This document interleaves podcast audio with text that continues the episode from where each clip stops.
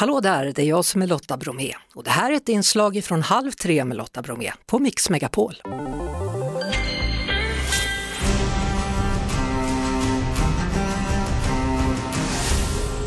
Film och serier. Då är det dags igen för Carolina Fjällborg, Aftonbladets filmrecensent och serierecensent. Välkommen tillbaka! Tack så mycket!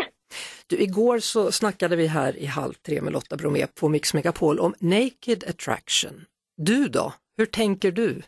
Ja, alltså, jag, man visste ju att det skulle vara naket, men jag blev faktiskt förvånad över inte bara hur otroligt långa och många närbilder det var på så många kön, utan kanske framför allt och hur grovt man pratade. Alltså de försöker ju hålla en lite humoristisk kanske och väldigt kroppspositiv ton. Eh, men det är väldigt eh, grova recensioner av framförallt av könsorgan som jag faktiskt eh, studsade lite på. Mm, vi hörde igår då eh, Sofia Wistam säga att hon var lite osäker innan, vad ska jag kalla dem? Men sen lät hon den som var med och valde. Det blev hens variant av namn på könsorgan som fick råda. Precis, och eh, framförallt på det manliga könsorganet av de tre avsnitt jag har sett så är det ju ett dominerande ganska grovt ord som återkommer väldigt ofta i programmet.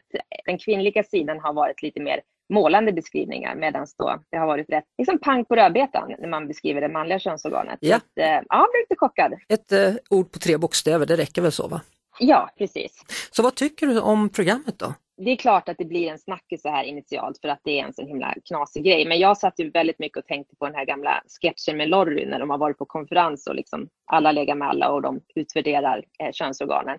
Så det tyckte jag var lite kul. Men eh, jag känner väl att man kanske tröttnar ganska snabbt på det här. Det är klart att det är lite nyhetens behag. Men jättebra tv är det ju inte och som sagt eh, ganska obekväm stämning tyckte jag. Hur går det med mänskligheten med en sån här serie? Hörru? Ja, säg det. Det blir ju så här när, när det hela tiden måste liksom bli värre och värre saker för att få uppmärksamhet. Nej, hur går det för mänskligheten? Det går väl inte så bra känner jag när jag ser sånt här. Vi lämnar Naked Attraction, hamnar lite kort på Love in the Jungle. Här springer folk nakna också och de pratar inte ens med varandra.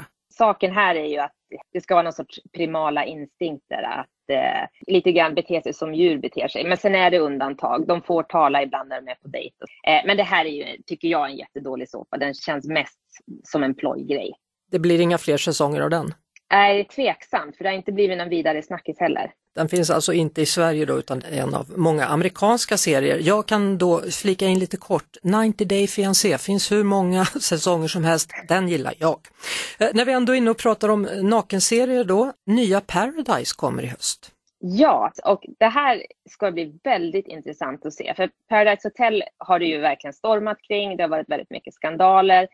Och då inser ju såklart Viaplay och TV3 att de måste ta ett nytt grepp på det här. Så att de lanserar ju då en variant som heter bara Paradise som ska ledas av Tone Sekelius. Grejen där är ju att man då ska ha mer fokus på samtida värderingar högre krav på tonen mellan deltagarna. Man har gjort om det hela för att undvika skandaler. Deltagarna behöver inte längre bilda par med det motsatta könet och i sovrummet till exempel så ska det finnas eh, enkelsängar istället för en dubbelsäng och sådär. Så att det är väl något sätt att behålla en kassako men göra den rumsren. Och om det kommer att funka eller inte, det är ju inte helt säkert. Nej, det får vi se då.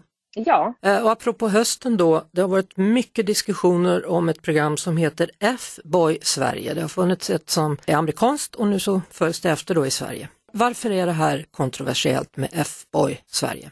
Jo, dels för att HBO eh, Max gick ut med den här satsningen ganska snart efter att det hade varit så mycket skandaler kring just Paradise Hotel.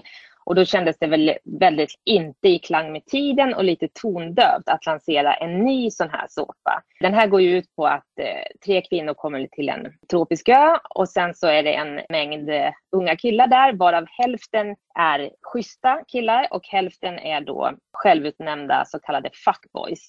Och det är inte klart från början vilka som är vilka utan det ska de här tjejerna komma på då och kanske då lyckas omvända dem fuckboy också. Så det känns väl ganska daterat och, och väldigt dålig timing. Mm, vad tror du? Jag är nog tveksam på tajmingen. Å andra sidan så tror jag att den här publiken för den här typen av program finns nog ändå. Ska vi lägga alla de där dokusåporna åt sidan och ge ett bra tips på någonting helt annat? Då tycker jag att man kan kolla på Irma Vep som finns på HBO Max. Alicia Vikander spelar huvudrollen och det här är en serie som är ja, men en enkel och väldigt snygg och ganska rolig nöjesindustri, satir. Hon är väldigt, väldigt bra i den här rollen. Hon har ju en bakgrund som dansös och eh, den får hon utnyttja här. Hon är väldigt graciös och elegant. Så den serien rekommenderar du? Den rekommenderar jag absolut. Vi hörs såklart igen på Mix Megapol varje eftermiddag vid halv tre.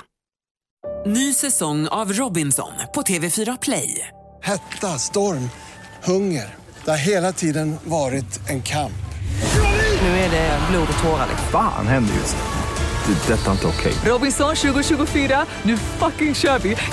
Streama söndag på TV4 Play.